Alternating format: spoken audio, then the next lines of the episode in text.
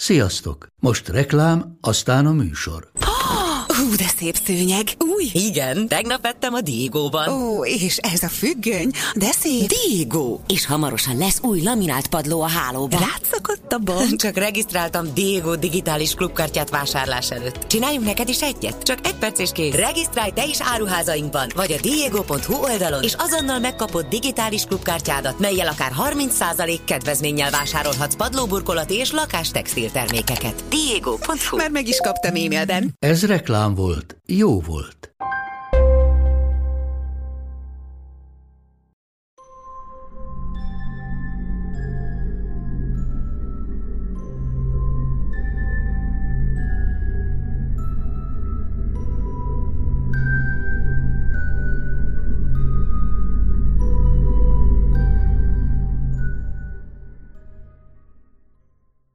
Sziasztok, ez itt a Sötét Anyag True Crime Podcast, ismert és kevésbé ismert megtörtént bűnösetekkel. Én Júlia vagyok.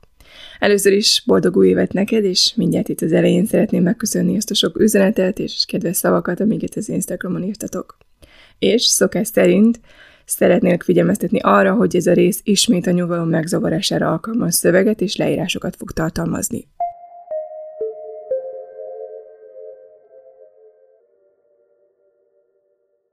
Helyes vagy hoax? Furcsa zajok. Jessica Waltersnak elege van az egyetembből, a nagyvárosból, a zsúfoltságból és az embertömegből. Ezért úgy határoz, hogy a nyári szünetet a hegyekben, a családja hétvége házában az Adirondacks-ban tölti. Legkedvesebb gyerekkori emlékei ehhez a házhoz kötődnek. Apja két órát utazik Jessicahoz, hogy segíthessen 22 éves lányának összepakolni és felvinni a dolgait a faházba. Néhány nappal a beköltözés után Jessica furcsa zajokat kezd hallani, de ezt először a régi ház szokásos zörejeinek könyveli el. Az öregebb házak néha recsegő, robogó hangokat adnak ki, emlékezteti magát a lány. A nyugtalanság azonban megmarad, ezért egy este felhívja az apját, csak hogy megnyugtassa. Az apja is azt mondja, hogy valószínűleg csak a ház csövei és a parkettája csinálják a hangokat, de felajánlja, hogy beugrik az autóba és megnézi. Jessica nem szeretné, hogy apja a vak sötétben autózon fel órákon keresztül a hegyekbe, erre apja azt tanácsolja neki, hogy a biztonság kedvéért hívja a rendőrséget, hogy nézzenek ők utána a dolognak. Jessica a telefonhívás után tétovázik, de a furcsa tompa hangok folytatódnak, ezért mégis felhívja a 911-et. Kicsit szégyenkezve elmagyarázza a helyzetét a diszpécsernek, miközben többször is elismeri, hogy, idézem, valószínűleg csak képzelgek vagy kezdek bedilizni. A diszpécser megkérdezi, hogy egyedül van-e a házban, amire ő igennel válaszol.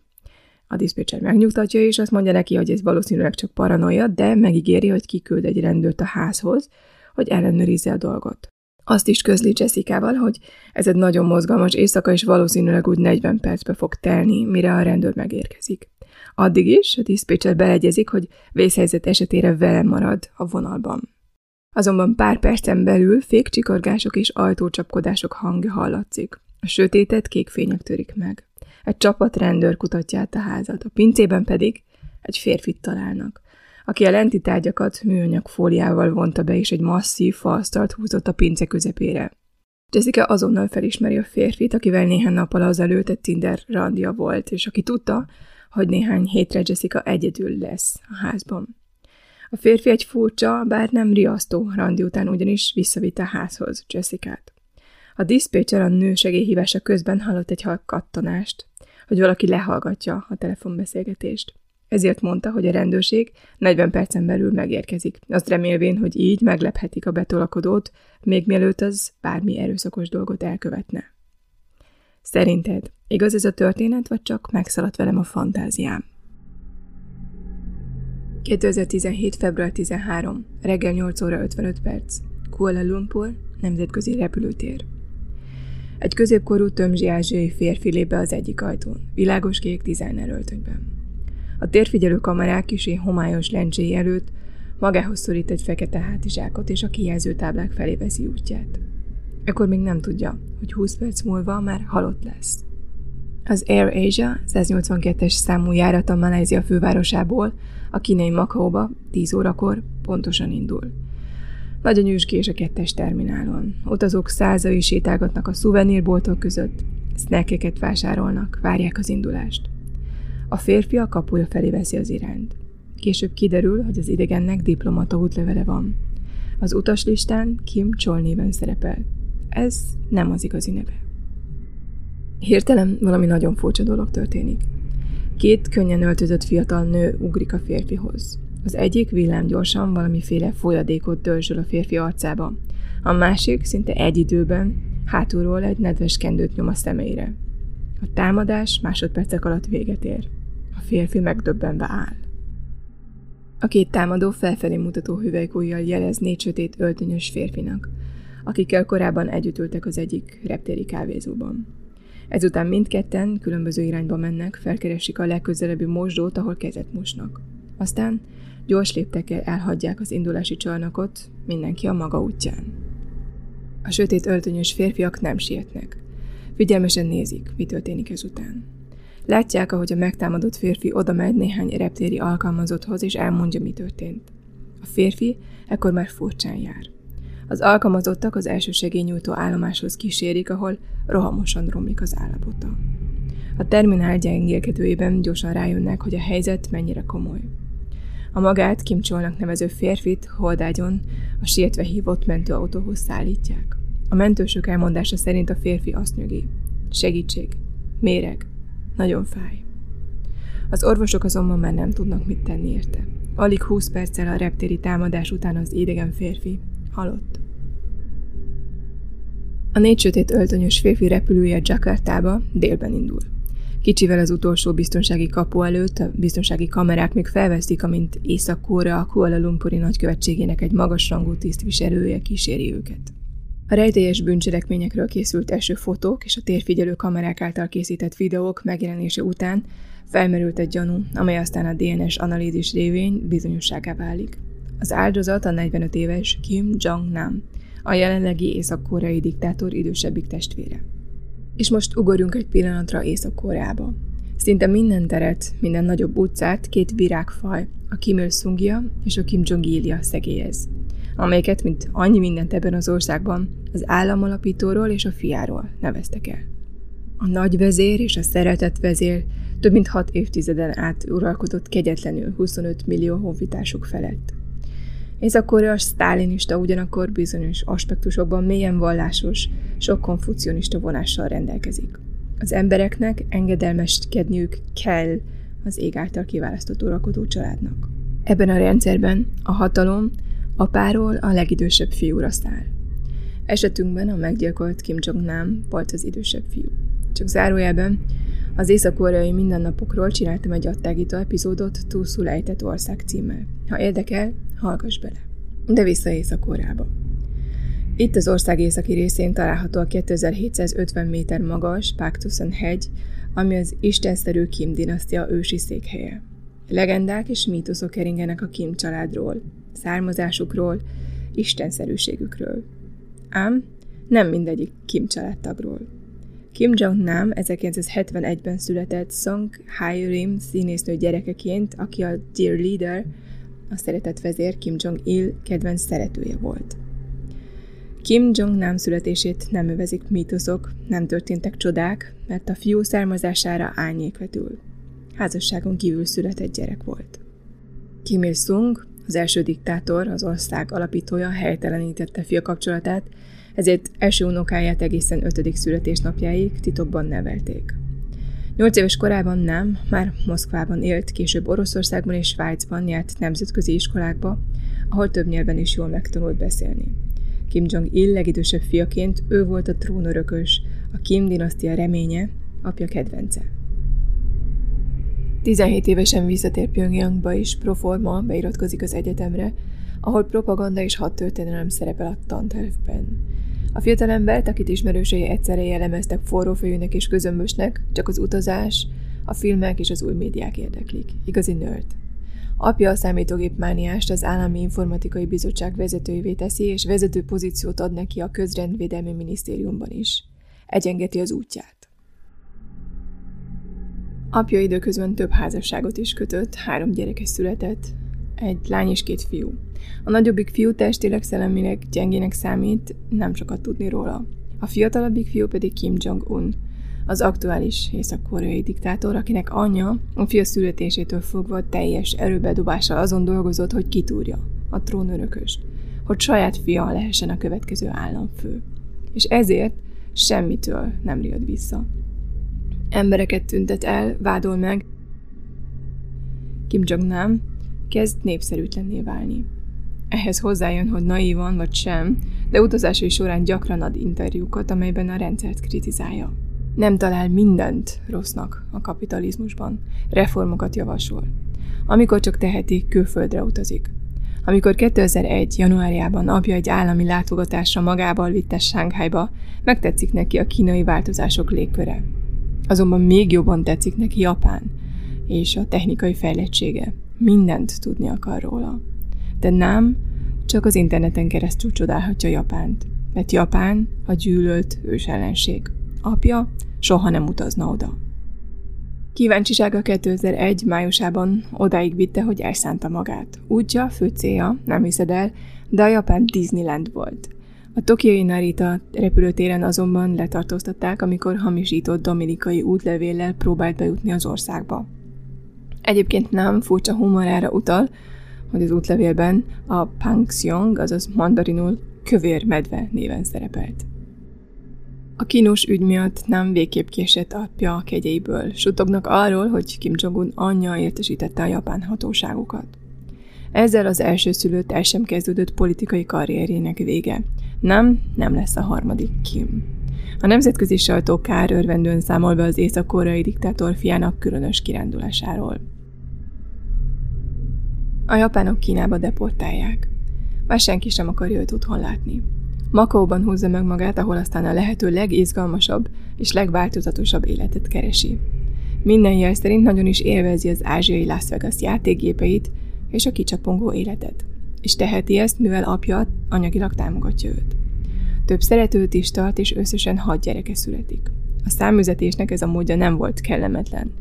Gyakran látogat el Európába, és lakásokat tartott fent Szingapurban és Pekingben. Hamarosan a kaszinok állandó vendége lesz. Sokat iszik, sokat dohányzik, sokat flörtöl, és tetemes adósságot halmoz fel. észak volt trónörököse a féle első észak-koreai playboyjá válik. A kínaiak számára is fontos szereplő.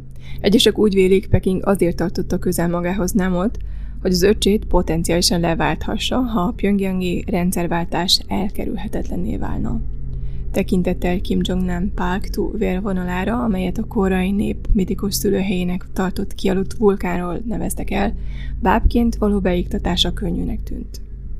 Állítólag észak-koreai disszidensek is megkérték Nemot, hogy állítson fel kormányt a számüzetésben, és bár ő ezt elutasította, áprilisra újabb találkozást szerveztek. Ez a bonyolult és fondolatos leszámolás, ahogy mindjárt látni fogjuk, észak-koreai mesterkedésre val. Hasonló tettekig és soráról tudni. Egyik észak-koreai diktátor sem hőkölt vissza szörnyű tettektől. 2011-ben észak-koreai ügynökök egy Parker tolba rejtett mérkezett tűvel próbáltak megölni egy észak-koreai dezertőrt. 2002.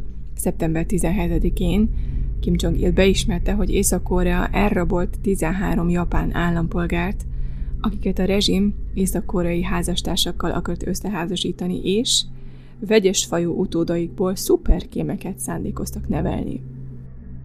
Kim Jong-un, az aktuális diktátor kevés rokoni vonzalmat mutatott, amikor 2013-ban kivégeztette nagyhatalmú nagybátyját, Jang Song Taeket, akit 120 kéheztetett kutyával tépetett szét és etetett meg. A felsorolást még sokáig folytathatnám. A lényeg az, hogy bátyja e fajta meggyilkolása beleillik az észak-koreai trónok harcába – ami már évek óta folyik. Apja halálakor Kim Jong-nam még egyszer, rövid időre Pyongyangba utazhat, hogy elbúcsúzhasson tőle. A 2011. december 29-i gyásztertartás hivatalos fotóin azonban már nem látható a legidősebb fiú, bár a konfuciánus szokás szerint a temetést neki kellett volna levezetnie. A féltestvérét, Kim Jong-unt a párt legfelsőbb vezetővé lépteti elő, és marsalként a legmagasabb katonai rangot is megkapja. A személyi kultusz hamarosan ugyanolyan bizarr vonásokat ölt, mint az őseinél. Kim Jong-un hagyja magát minden zsenik zsenieként ünnepelni, és magát megváltóként beállítani.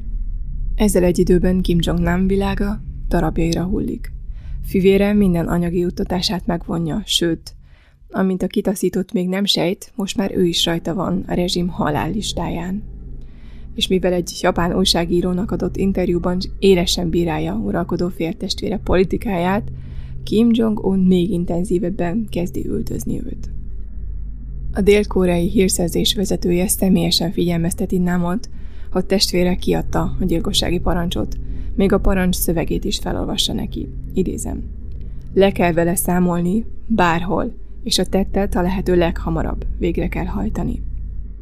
Kim Jong-nam komolyan veszi az ügyet. A szőli titkosszolgálat által is ismert e-mailben könyörög féltestvéréhez. Idézem. Kérlek, hívd vissza az embereidet, kímélj meg engem és a családomat. Nincs hely, ahol biztonságban lehetnénk. Az öngyilkosság lenne az egyetlen kiút. És újra és újra biztosítja féltestvérét, hogy nincsenek politikai szándékai. Annak, hogy az üldözött Kuala Lumpurban érzi magát a legjobban, van egy másik különleges oka is. Észak-Koreának itt van diplomáciai képviselete, és a nagykövet az egyik barátja, aki szintén a Kim klánhoz tartozik. Ha nincs elég pénz valamelyik szállodára, nem a nagykövetség valamelyik vendégházában száll meg. És azokkal a juttatásokkal, amelyeket a kínai kormány ad neki, mint a nagy politikai játszma lehetséges csókerének, még mindig megengedhet magának alkalmi utazgatásokat. A Pyongyangból érkező hírek azonban egyre fenyegetőbbé válnak. Nagyapjával és apjával ellentétben Kim Jong-un még a saját családjával szemben is bizalmatlan lett, és elkezdte a rokonokat is gyilkolni. És most ugorjunk vissza 2013. februárjába. Kim Jong-nam ekkor már több mint egy hete Malajziában tartózkodik. A kérdés, hogy miért? Mit keres abban az országban, azokban a napokban? Rokonát, a nagykövetet testvére már kivégeztette. Nem keresi fel barátjait sem. És nyoma sincs a két testőrnek, akik korábban kísérték. Halál után kiderül, hogy nem fekete hátizsákjában 120 ezer dollár van készpénzben, szépen százasokba kötve. A Kim Jong-nam utolsó napjait kutató malajziai nyomozók bizonyítékot találtak arra, hogy egy szállodában találkozott egy férfival. Ez az idegen használt egy USB pendrive-ot nem számítógépén, fájlokat másolt, és cserébe átadott neki egy bőröndöt. A férfi, akiről Kim Jong-nammal együtt fénykép is készült, a helyi hírszerzés szerint egy amerikai CIA ügynök, aki bankokból repült oda. A kérdés maradt, hogy valóban a CIA-tól kaphatta el pénzt. De mit adott, vagy mit ígért cserébe? Az összeg nem egetrengető, bár vannak arra utaló jelek, hogy a 120 ezer dollárt csak egyfajta előlegnek szánták. Hogy a megbuktatott elsőszülött most már hajlandó lenne hatalmi igényeit bejelenteni Észak-Koreában. Nyugati hírszerző szolgálatok is beszámoltak arról, hogy Kim Jong-nam egyre szorosabbra fűzte a kapcsolatot a kínaiakkal, akik, ahogy már említettem, esetlegesen őt akarták az észak-koreai elnöki székbe ültetni de végül is nem volt politikus vagy emberi jogi aktivista, hanem egy kegyvesztett playboy. Másrészt azonban Kim Jong nem puszta létezése is rendkívül veszélyes volt az uralkodó féltestvérére nézve, mivel Kim Jong nem volt az első szülött. A boncolás után Észak-Koreát tájékoztatták arról, hogy a holttestet a vizsgálat befejezése után átadják a hozzátartozóknak. A hatóságok a megölt férfi 21 éves fiát várták a maláziai fővárosba, hogy azonosítsa a holttestet.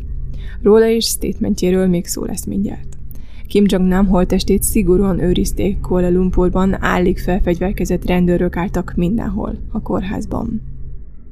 A malezői kormány Észak-Koreát vádolta a gyilkossággal. Észak-Korea nagykövete azonban még a halott férfi személyazonosságát is megkérdőjelezte. A Kim rezsim tagadta, hogy bármi köze lenne a merénylethez, sőt, nemzetközi konspirációt szimatolt, valamint kijelentette, hogy országa nem bízik Malajzia nyomozásában és az ügy felderítésében. Erre Malajzia kiutasította az észak-koreai diplomatákat, és visszahívta a nagykövetét Pyongyangból. A malajziai miniszterelnök diplomáciailag durva kijelentésként bírálta az észak-koreai nagykövet kijelentéseit. A YouTube-on ma is látható egy videó, amelyben a meggyilkolt Kim Jong-nam legidősebb fia látható. Az epizód leírásában ott a link, ha érdekel. A 40 másodperces videóban Kim Han szól azonosítja magát és megmutatja útlevelét a kamerának. A személyes információkat az útlevélen kipixelezték. Jelenleg édesanyámmal és a húgommal vagyok, mondja. Reméljük, hogy a helyzet hamarosan jobb lesz, és köszönetet mond a segítőinek. Nem tudni, hogy ki áll az őt védő csoport mögött, amely az ifjabb Kim életjelét feltette az internetre. A videó üzenetet valószínűleg jelzésnek, emlékeztetőnek szánták Kim Jong-unnak. Nézd, én, Kim Han-sol, az elsőszülött fiú, elsőszülött fia, élek. Kim Han-sol személyazonosságát egyébként a dél-koreai hírszerzés is igazolta. A szimpatikus fiú nagyjából komplet ellentéte annak, ami ennek egy észak-koreai embert elképzelünk. Szereti a designer farmát, és néha egy kis gyémántot visel a fülében. Folyékonyan beszél angolul és más nyelveken, világpolgár, és példája annak, amivé az elszigetelt népköztársaság válhatna. Kim Hansol 2011-ben került először a nyilvánosság elé, amikor egy bosznia-hercegovinai magángimnázium megerősítette, hogy felvették tanulni.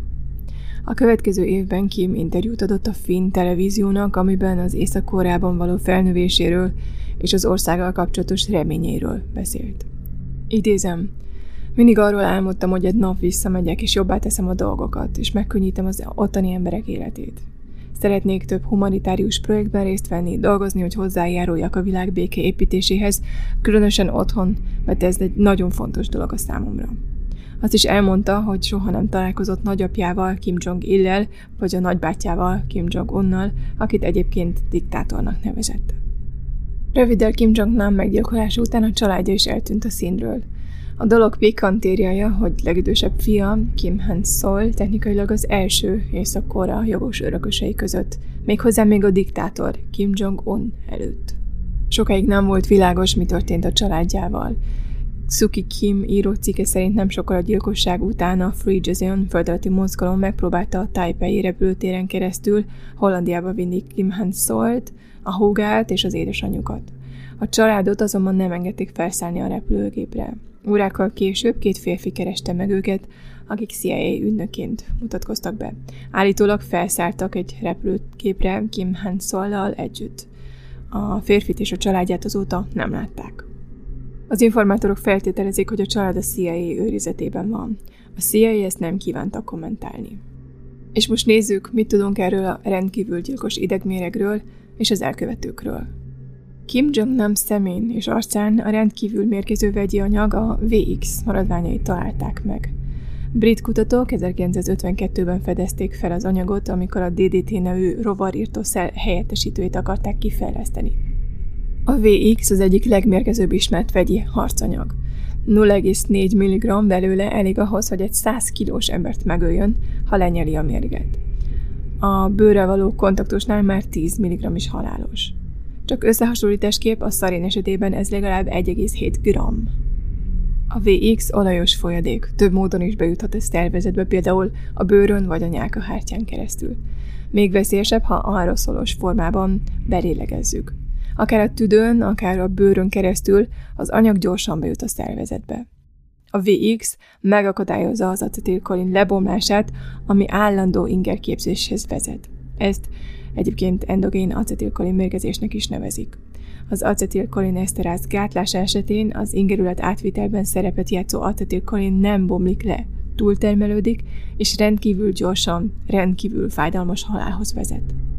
A folyékony vagy gázhalmazállapotú anyag már minimális mennyiségben is hasogató felfájás és látászavarokat okoz. Az orr folyni kezd, az áldozatnak látászavarai lesznek, fáj a szeme, nehezen lélegzik, fokozódik a nyeltermelés. Az áldozat iszonyatos kínok között izomgörcsöket kap, erősen izzad, elveszíti az eszméletét, majd a légzőizmok leállnak, és az áldozat megfullad. A halál percek alatt légzősbénulás és keringési összeomlás révén következik be, mivel a VX, ahogy mondtam, blokkolja az idegrendszer számára fontos enzimeket. Kim Jong-namnak semmi esélye nem volt. Nagyon leegyszerűsítve, a mérget két különböző, kevésbé veszélyes anyag keverésével lehet csak előállítani. Feltehetően a két nő ezért maradt életben, mert külön-külön juttatták a mérget az áldozat szervezetébe. A VX tömegpusztító fegyvernek minősül, és az 1993-as vegyi fegyver egyezmény értelmében tiltott. Az aláíró államok a következő években megsemmisítették készleteiket. észak azonban nem írta alá az egyezményt. Az anyag azért is olyan veszélyes, mert sokkal tovább marad meg a környezetben, mint más ideggázok. Ez az egyik oka annak is, hogy a VX-et a múltban ritkán használták katonai konfliktusokban, még a katonák számára is túl veszélyes, és még hetekkel a csata után is képes embereket ölni. És most nézzük a gyanúsítottakat. A malezai rendőrség nagyon gyorsan megtalálja és letartóztatja az egyik észak-koreai férfit, a 46 éves Ri Jong Cholt. Egy nappal később további gyanúsítottakra is kiterjesztik a keresést. Ezek a férfiak azonban február 13-án, a merénylet napján elhagyták Maláziát, miután az előző két hétben különböző napokon érkeztek. Három nappal a reptéri gyilkosság után a videófelvételeknek köszönhetően azonosítják a két női elkövetőt, és a lakosságoktól kapott tippek alapján Kuala Lumpur különböző pontjain le is tartóztatják őket. A 25 éves indonéz City Aisha és a 29 éves vietnámi Duan Thi Huang azonban teljes mértékben meglepődnek. Nem tagadják, hogy a repülőtéren jártak, de elmondásuk szerint akciójuk csak egy vicc volt, egy rövid forgatás egy prank showra, egy maláziai kamera stílusú tévéműsorra. Mindketten állítják, hogy nem ismerték a reptéri áldozatukat. A rendőrök szerint megdöbbentek a végzetes következményektől. És most nézzük, ki ez a két nő, akik a tettet tagadhatatlanul elkövették. A 25 éves indonéz állampolgárságú City Aisha 6 évig járt iskolába. A jó jegyek ellenére a továbbtanulásra nem gondolhatott, mert a családja nagyon szegény volt, és az ő világukban nincsenek ösztöndíjak. City az osztályban időnként vágyakozva simított végig a földkömbön. Imádja Európát, Amerikát és különösen Brazíliát. 16 évesen City férjhez megy, és Jakarta egy lerobbant külvárosába költözik úgy 100 kilométerre addigi otthonától. Két évvel később fia született, akit Riónak nevezel. City ruhákat var a férje kis boltjába, eladja őket, mos, főz, takarít. Az anyósék nagyon elégedettek a szerény és szorgalmas Cityvel. A fiatal nő csak egy volt iskolatársának mondja el, hogy valójában mi is zajlik benne. Utálja az életét, nem bírja tovább a férjével, aki inni kezd, a házasságát csapdának érzi. City utazni szeretne, szabad szeretne lenni, és világot látni. Végül aztán sikerül rávenni a férjét, hogy váljon el tőle. A kis Riót az anyósáiknál hagyja. Így City 20 évesen kisé megkésve lép ki az életbe. Elmondja szüleinek, hogy úti célja egy gyárváros Jáva északi részén. Valójában azonban Malázia vonza, mert úgy hallotta, hogy a fővárosban, Kuala Lumpurban rengeteg lehetőség kínálkozik a fiatal nők számára. City élvezi a nagyváros által nyújtott szabadságot, de nehezen talál munkát. Végül szobalányként vállal állást egy középszerű szállodában a Flamingóban. A munka rosszul fizetett, de aztán hamarosan rájön, hogy a hotelhez tartozó masszászalomban többet kereshet. Egy gyors talpaló tanfolyamon megtanul néhány terápiás mozdulatot, de a legtöbb ügyfél a masszázs egy különleges formáját keresi, és szívesen fizet néhány dollár extrát a happy endért. Rendszeresen küld haza némi pénzt, és fél évente elmegy Indonéziába, hogy meglátogassa a szüleit és a fiát. 2016 őszén city egy fiatal férfi szólította meg a Kuala Lumpuri Beach Clubban, amely a gazdag üzletemberek kedvelt találkozóhelye. Az idegen Johnnak nevezte magát, és japán filmrendezőnek adta ki magát. Nagy lelkű volt és kedves, és nem akarta az ágyba rángatni. Megkérdezte tőle, hogy lenne kedve részt venni egy vicces tévés műsorban. Annyi lenne a dolga, hogy gyanútlan járókelőket parfümmel fújna be a születésnapjukon, vagy babaolajat kenne az arcukba.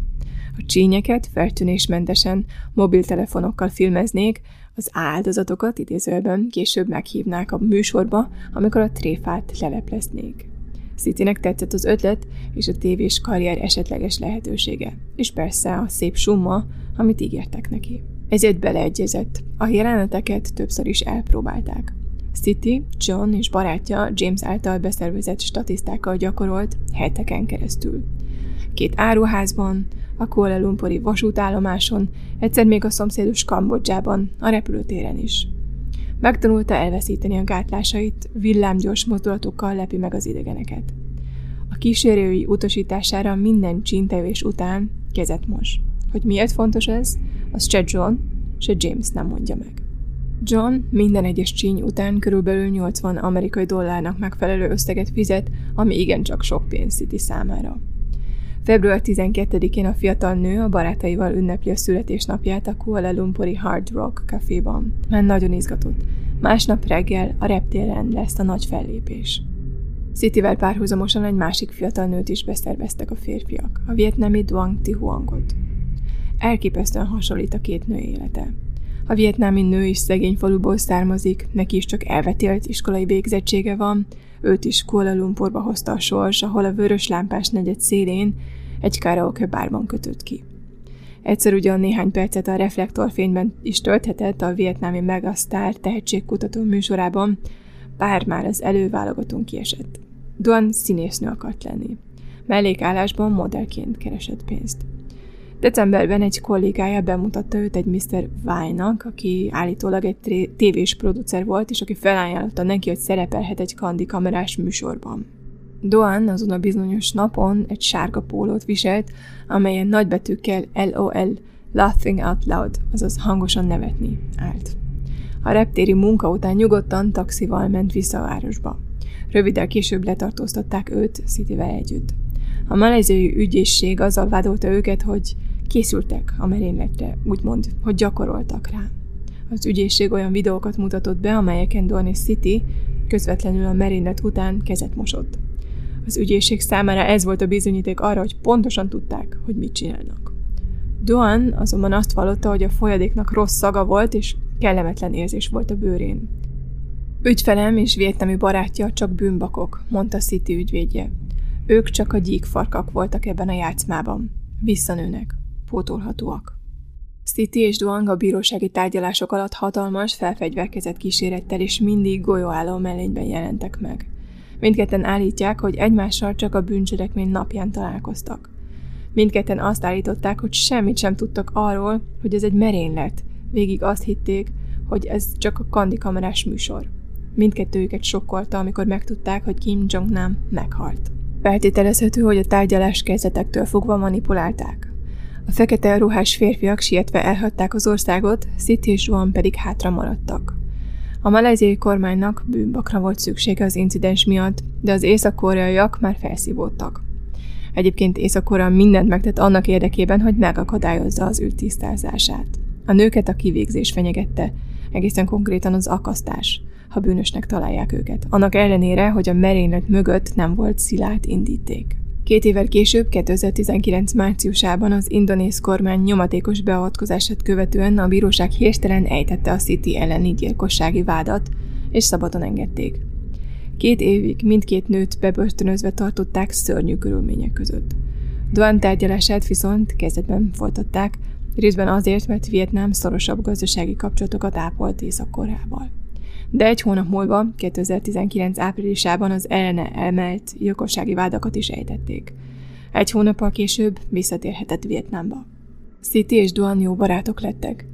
Bebörtönzésük ideje alatt egymás mellett voltak a celláik, és a kivégzés árnyékában megpróbáltak egymáshoz segítve, egymást motiválva túljutni ezen a szörnyű szituáción.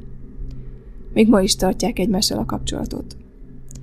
Ezt az epizódot Duan szavaival zárom. A tárgyalás előtt azt gondoltam, hogy a világ gyönyörű, de most már tisztában látok.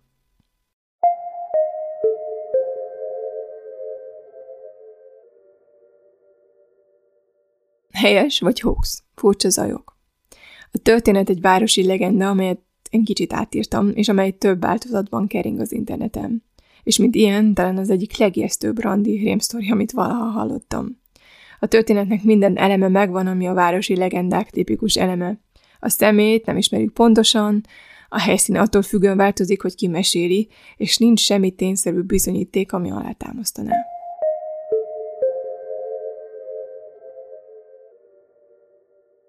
Ez volt a Sötét Anyag 5. epizódja, kicsit reketten, remélem tetszett a rész. Az Instagramon megtalálod a képeket, linkeket és az egyéb extra információkat erről az ügyről. Ha érdekel, keresse a Sötét Anyag True Crime podcastra. Hamarosan újra jelentkezem, addig is mész átad mögé, és szállt az ajtó.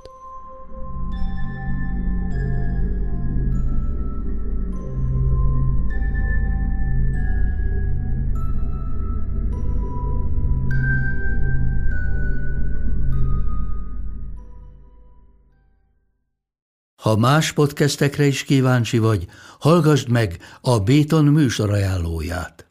El tudod képzelni, hogy a podcastet, amit éppen most hallgattál, fél év múlva már a mesterséges intelligencia generálja? Mi sem. De ha érdekel, eljötte már a gépek lázadása. Hallgass bele az Embertelen podcastbe. Orsós Lajos vagyok, a műsor házigazdája. Egyelőre még élőben. Egyelőre. Fedezzük fel együtt, hogyan ismerkedik, randizik, mesél és vitatkozik Betty és Péter, két teljesen mesterséges intelligencia. Lajos, a podcast címét mond még egyszer, Léci. Oké. Okay. Embertelen podcast.